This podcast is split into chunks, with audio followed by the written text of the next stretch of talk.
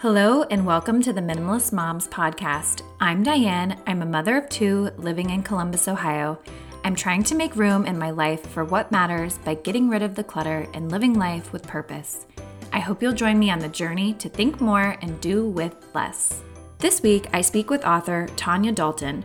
Tonya Dalton is a productivity expert, writer, speaker, and founder of Inkwell Press Productivity Co., a company created around productivity tools and training. Her first book, The Joy of Missing Out, will release on October 1st. In her highly anticipated book, Dalton inspires women to reject the pressure to do more, be more, and achieve more. She shows them how to focus on what's important to them and then helps them develop their own unique productivity systems. Today, we will speak to the themes in her book and discuss why it's so important for each of us to discover JOMO, the joy of missing out, for ourselves. Before we get to the episode, I wanted to remind you to head over to iTunes if you haven't yet left a rating and review. I wanted to share a review from Emily at Perfection Isn't Happy. She says, Great resource for moms. Although I don't consider myself a true minimalist, I love getting ideas on how to simplify my life and make motherhood a little less stressful. The podcast recently inspired me to clean up my basement and let go of things that I otherwise would have kept storing. It's nice to have a clean basement, and I was even able to get my husband on board. I'm really glad that you were able to clean up your basement, Emily. I know sometimes those spaces in our home that we aren't regularly seeing can sometimes build up with clutter, and I think that's why the attic and the basement can become so cluttered. But I'm glad that you were able to get your husband on board and get some of that stuff out of there that was just causing overwhelm. Now for the interview with Tonya. Hi, Tonya. Thank you for joining me today. Thanks so much for having me. Yeah, I'm really excited to dive into some of the topics of your new book, The Joy of Missing Out Live More by Doing Less. But before we get into our conversation, I just wanted to give you the opportunity to introduce yourself to the listeners of the Minimalist Moms podcast. Thank you so much. Yes, because I am a mother myself. I have two kids, Jack and Kate, and I have a husband, John, who works alongside of me. So my husband is my CMO, I'm the CEO. So I like to say that we are together 26 hours a day. we literally work across the desk from one another. Um, so my business, Inkwell Press, truly is a family business in that um, we all take part in it. And we've all been a, a part of that growth together. So it's been really fun and exciting for me. So that's one of the things that I love about um, what I talk about is that I really have been all kinds of moms. I've been a stay at home mom. I've been a work at home mom. I've been a full time working mom. So my perspective on motherhood is very unique and different in that I've seen it from many different angles. I started my first business when my kids were really little, playing at my feet, thinking it would be a side business. I would start it, you know, just as something to do. My husband was traveling the world working for a Fortune 500 company, and he'd be gone for three or four weeks at a time. And so I thought it would be good to have something else that I was doing other than motherhood uh, to keep me, you know, sane, keep my sense of humor about me.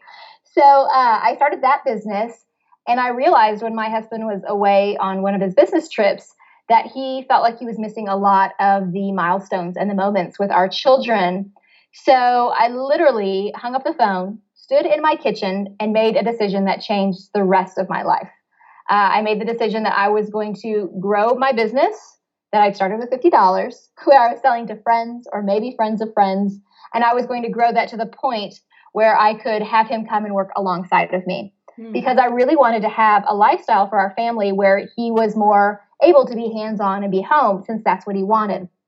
And within a year, I was able to make that dream come true. And as I mentioned, we still work across the desk from one another, and it's just been an amazing experience for us.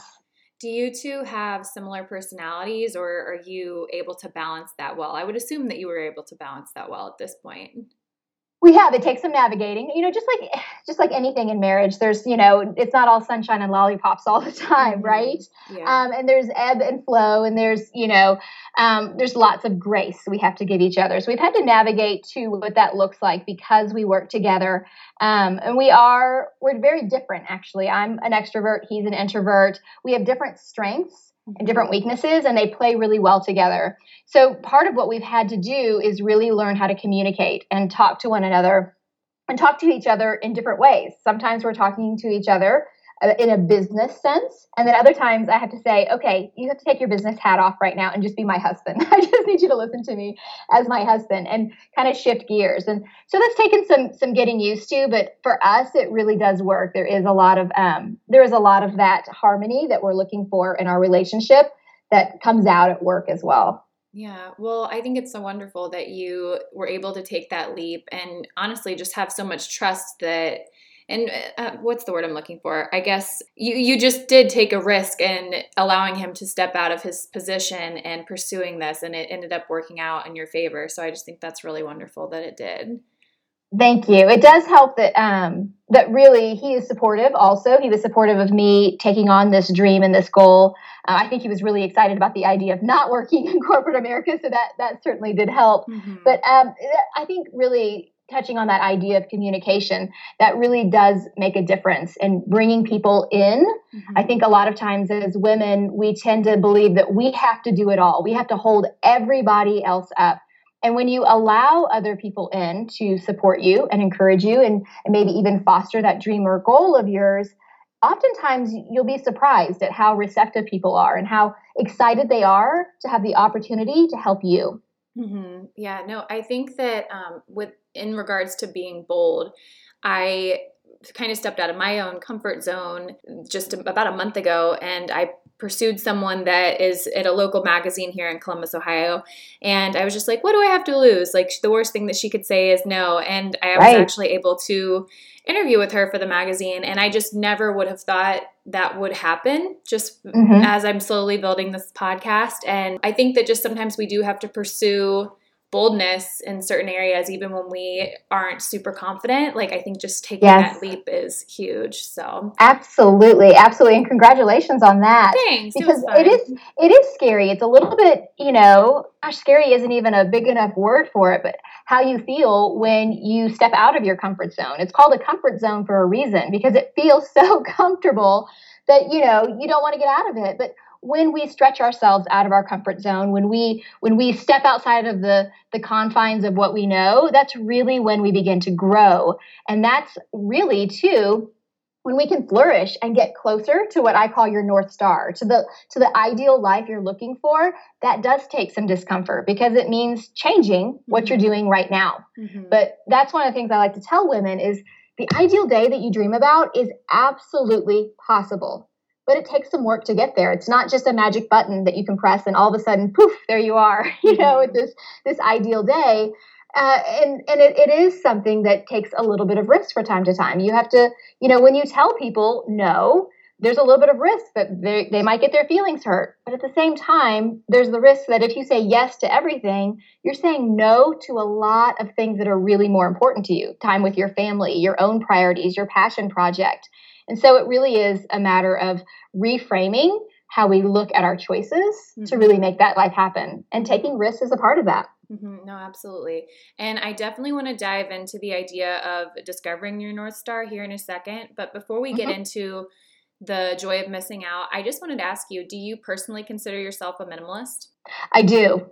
I do in, in many ways because I really believe that when we cut through a lot of the clutter and the noise, not just in our homes, but in our everyday lives with all the requests for our time and the obligations and everything else, when you really minimalize, and that means focusing on what is most important to you, that's truly when you begin to feel a lot more happiness and a lot more successful. Mm-hmm. I think that in the pursuit of doing it all, we we oftentimes run around busy all day long, checking a million things off our to-do list, but we fall into bed at night and we think, why didn't I get more done?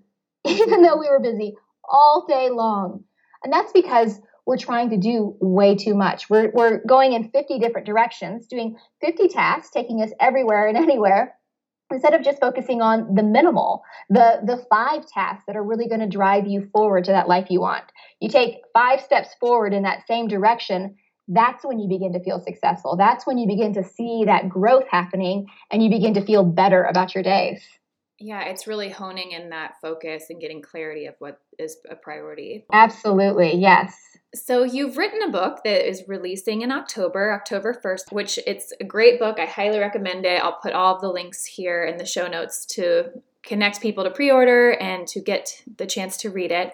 But I'm sure people have heard of the phrase the joy of missing out, but I'm curious mm-hmm. to know how you would define it and how did you discover the joy of missing out in your own life? Yeah, I, I think too, a lot of people feel like, well, is it just mean that you're going to stay at home? And to me, the joy of missing out is more than that. It's, I have a definition of it in the book where I talk about it's the emotionally intelligent antidote to busy. It's intentionally choosing to live in the present moment by embracing open spaces of unrushed time.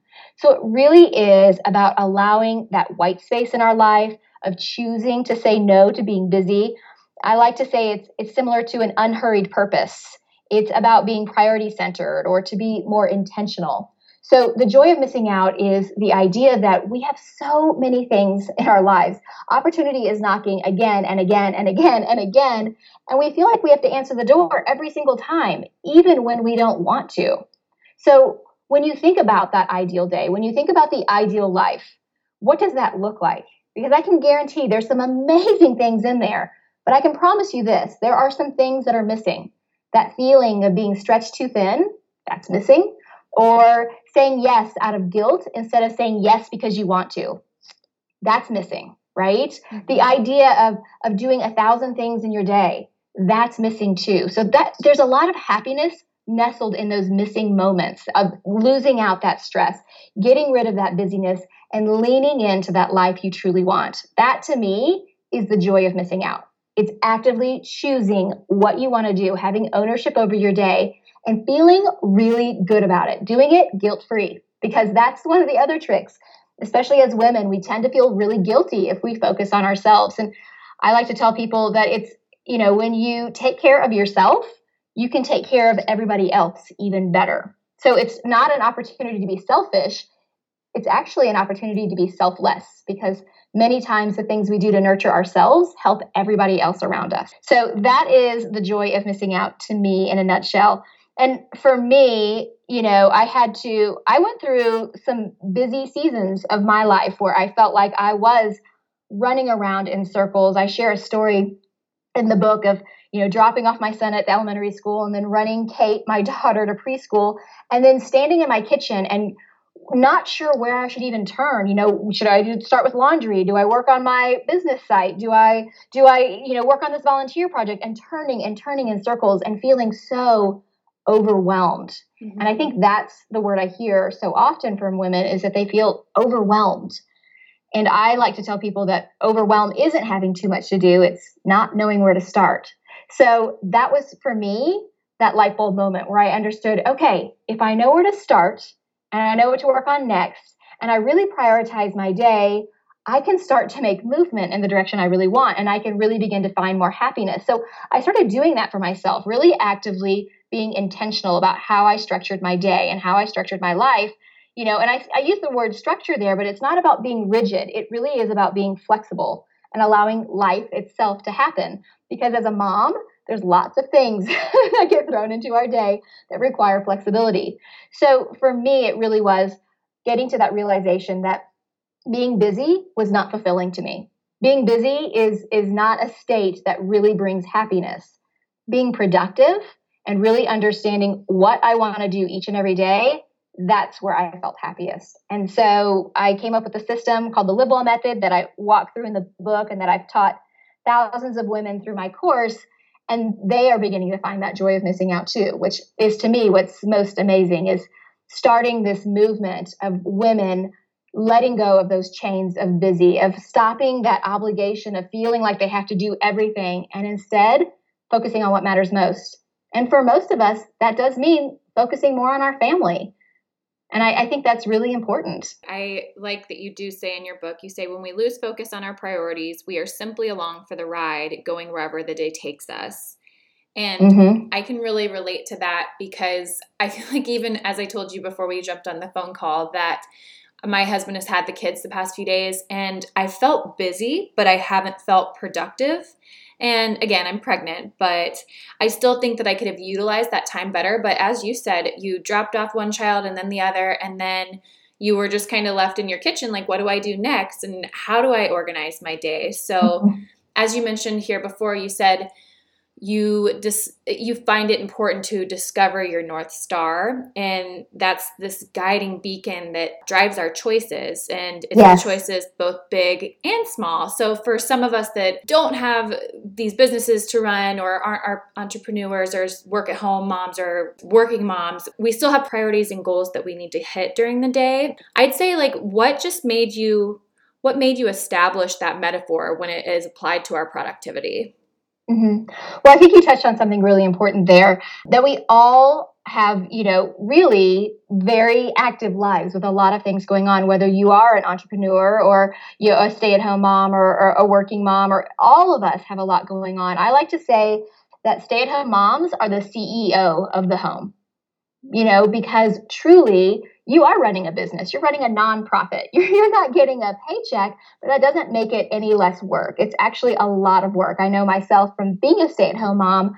Um, and so I, I feel like a lot of times uh, women who are the CEO of the home, they feel like they undervalue it because they think that they're not really bringing in any income income is not tied to your own personal value. What you are doing for your families and what you're doing to really uh, instill morals and values in your children, that is your product that you're really creating. That's what your nonprofit is doing, what your home is creating. So I would really, first of all, encourage people to shift the way they look at, at what they do. If that's, you know, if that's your job is to, to be a stay at home parent, because I think that's a really, really important undervalued job but um, we all have priorities we all have things that that we really want to focus on whether that's you know related to work or personal or our home life and so to me this idea of the north star really is that it it does guide you and it helps you filter all the decisions you make throughout your day and throughout throughout your life I use a North Star for my business and I use a North Star for at home. Mm. So, your North Star is essentially made of your mission, your vision, and your core values. So, really taking the time to understand what is it you do. And it's not just what you do, it's why you do what you do. So that's your mission statement. And then your vision statement, that tells you where you're going. Where do I want to go in the future? You know, if I am doing this job right now, where do I want to be two years from now? Where do I want to be five years from now? And that gives you an idea of what steps you want to take to get to that, you know, that destination of where you want to be. And then your core values, answers the question of how. How do I want to live so that I can live to my my mission statement and my vision statement. And those all come together and that really helps you to define your purpose, your priorities and really your passions.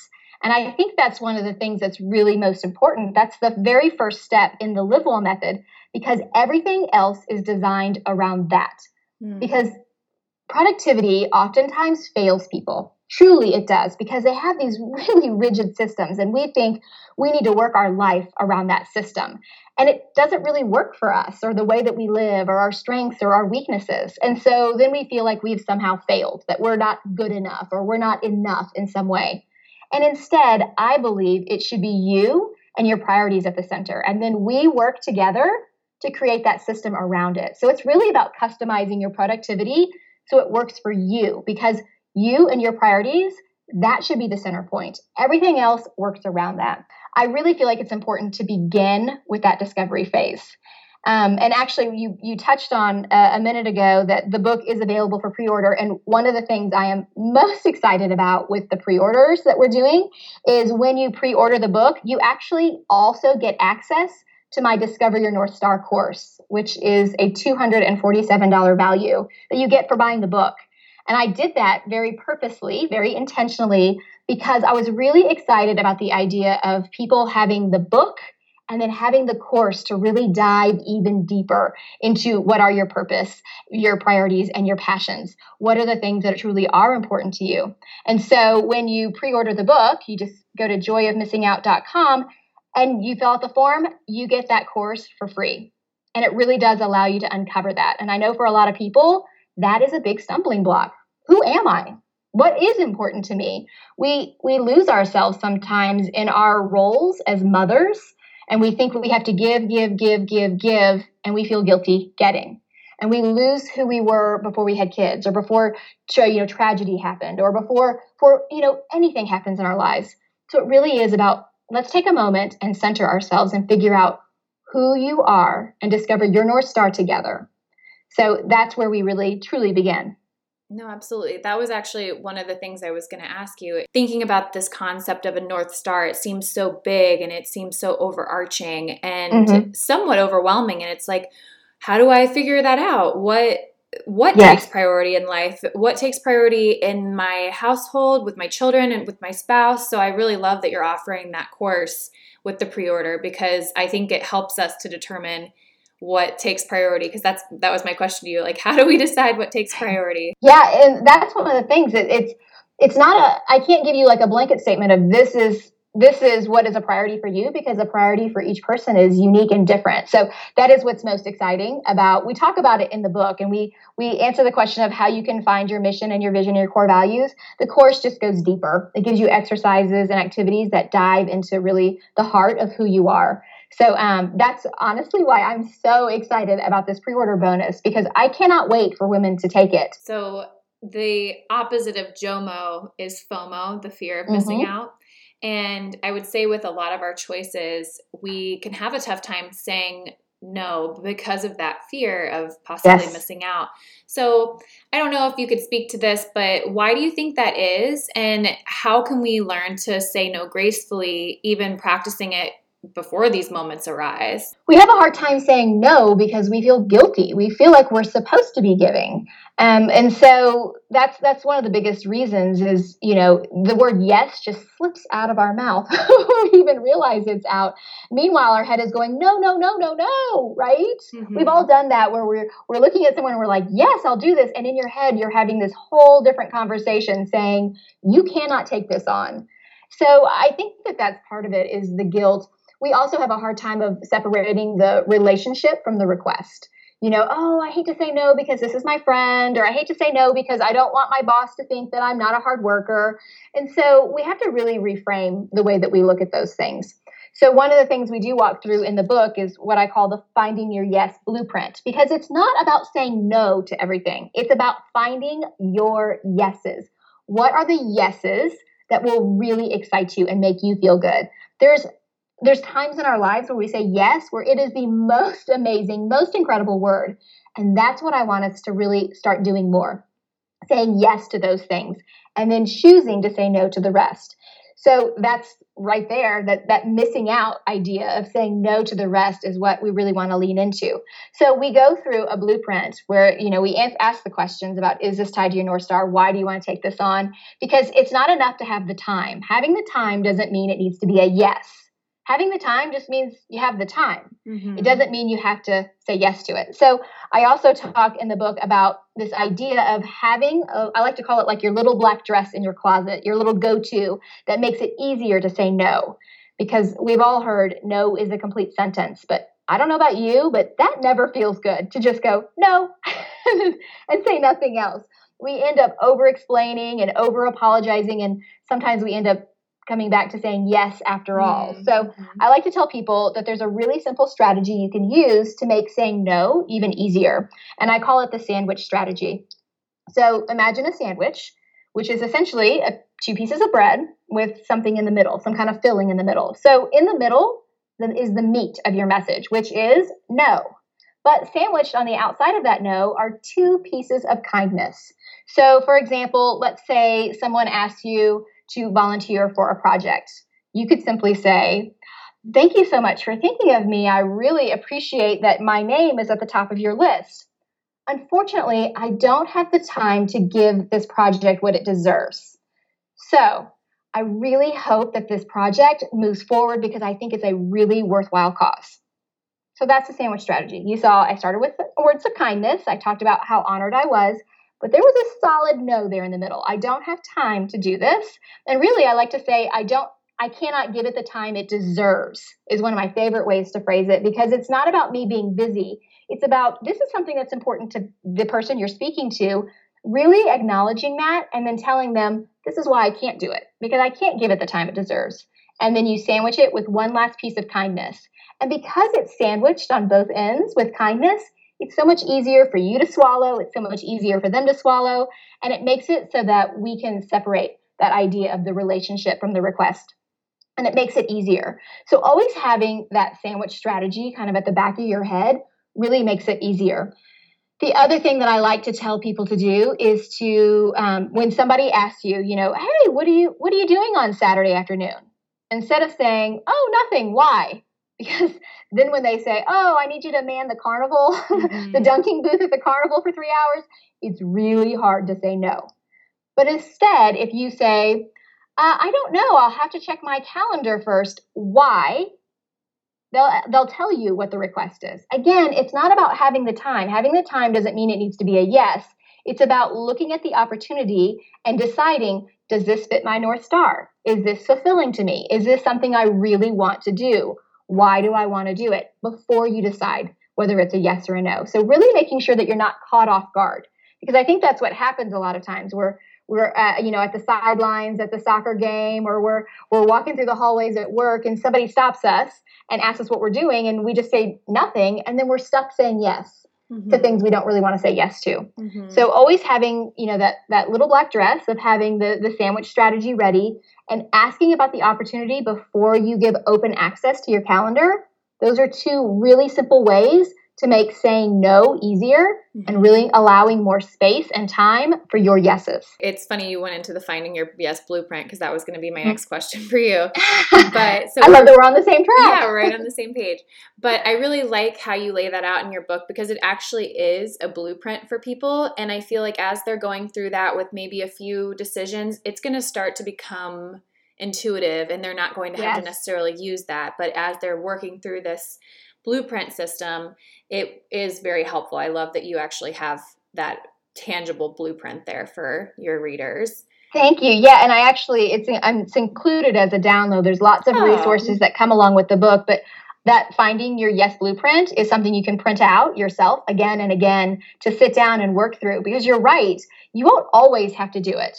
But sometimes opportunities come up and you're like i don't know. And especially at, at first when you're first starting to implement that finding your yes blueprint mm-hmm. it really does help to sit down and answer the questions. You know without overthinking just going with your gut what why do you want to take this on? How does this fit your North Star? So, what are a couple of habits? You gave us a few with the little black dress, sandwiching the kindness with the no. Mm-hmm. Um, but what are a couple of habits we could put into place that would allow us to experience more JOMO in the day to day? So, really, the way that habits work is they act as little springboards to help propel us forward. And that's what I love about habits is that once you establish a habit, it's there and you do it without even thinking. It doesn't take any willpower, it doesn't take any discipline, it just happens.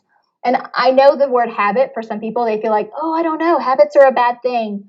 But here's the truth Duke University found that 40 to 45% of our daily actions every single day are actually habits. They're things that we do automatically without thinking.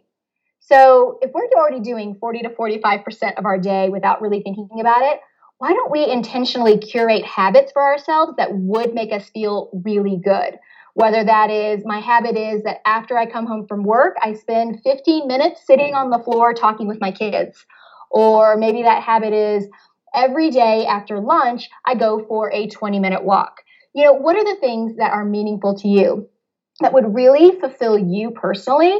And start filling your day with that. So I walk through, you know, the process of establishing a habit and at first, it does take a little bit of work to establish a habit. It, ta- it does take some thinking on the front end, but once it's set, then you're doing it automatically. You're taking mm-hmm. all the thinking out of it because then your brain is really free to do all the other big things in your day. Mm-hmm. So to me, it really is about looking at how you want your ideal day to run and think about which of these things would I want to establish as a habit and then start working through those four steps that I talk about in the book where you articulate and then you identify the cues, you define the behavior, and then you make a plan. And I walk through all of that. Start doing that very intentionally so that then those habits become second nature. Mm-hmm. And that's really what makes it possible for that ideal day to become your everyday. Mm-hmm. I heard on the Before Breakfast podcast with, I think it's Laura Vanderkam. She was just saying how uh, just something as simple as we have gone our whole entire lives with brushing our teeth and we don't realize that's a habit. and I was like, oh, yeah, it yeah. totally is. And so I think that when habits can feel daunting or these little things that we feel like we want to implement can feel daunting, we just have to look back to see, like, wait, we've cultivated these habits and these are things that just have become a part of who we are. So. Well, and that's the thing I think people lose sight of is is brushing your teeth is a habit. Putting your clothes on in the morning also a habit. You don't think about how to put your leg into the pants. Mm-hmm. You just do it automatically. You don't think about how to tie your shoes. You put your shoes on and you tie the laces. You don't think twice about it. It just happens. You don't think about what your fingers need to do. So we can actually take those existing habits and stack more habits on top of them. So if you want to floss, you know, at night after you brush your teeth in the morning, setting your dental floss already cut, ready to go right next to your toothbrush, where you're going to see it in the evening to go brush your teeth. And then you can brush your teeth and you have that cue right there of flossing your teeth. Mm-hmm. So, establishing habits that are really good and healthy doesn't have to be difficult. We can use what we're already doing as our springboards. Mm-hmm. The habit stacking is, I'm a big proponent yes. of that idea. So Me too. Yes, absolutely. Well, as we're wrapping up here, I wanted to see if there was anything else that you wanted to share. I love to tell people that, you know, there's it can become overwhelming when you think about what that ideal day looks like, right? And how different maybe it is from your day to day to day.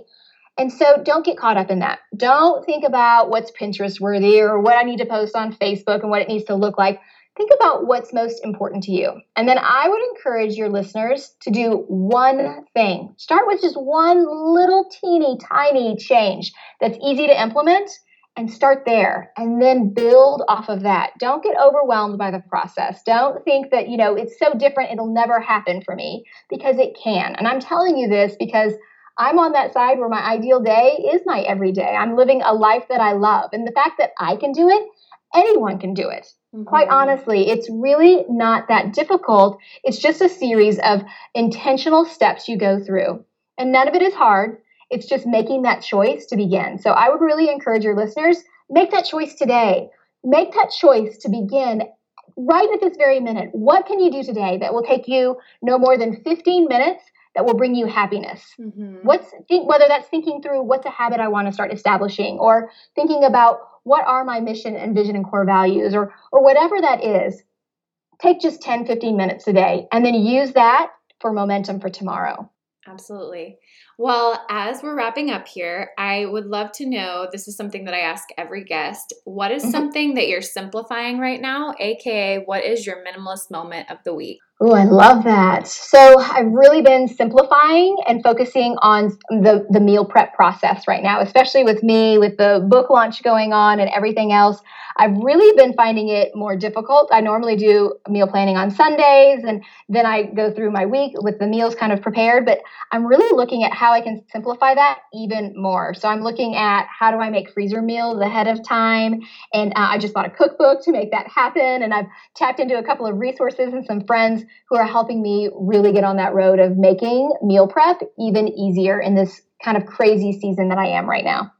No, that's a great idea. I just sat down with my husband last night because both of our children have become quite the picky eaters. And I'm mm-hmm. like, okay, I mm-hmm. want to still make sure they're getting nutrients in, but I also want to put things in there that they like. So, meal planning is something that I for sure see myself doing for the fall, especially with the third baby.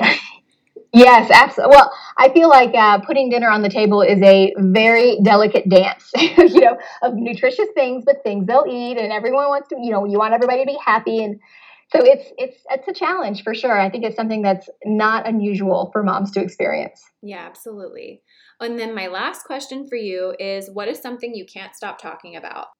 the joy of missing out. I'm so excited about this book.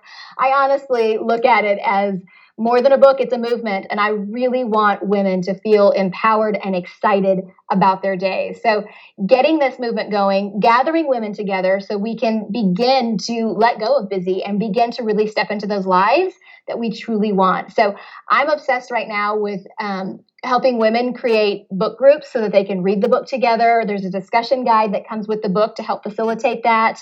I've got resources because I really want women to come together because when we support each other, when we encourage each other and we lift one another up, we are capable of amazing things. Mm-hmm. So I would say the joy of missing out is what I am all about right now. Well, Tonya, thank you so much for coming on the Minimalist Moms podcast today. I really appreciate it. Thank you so much for having me. I really enjoyed chatting with you. Thank you again to Tonya for coming on the Minimalist Moms podcast today. What did you think about our interview? Did her message resonate with you?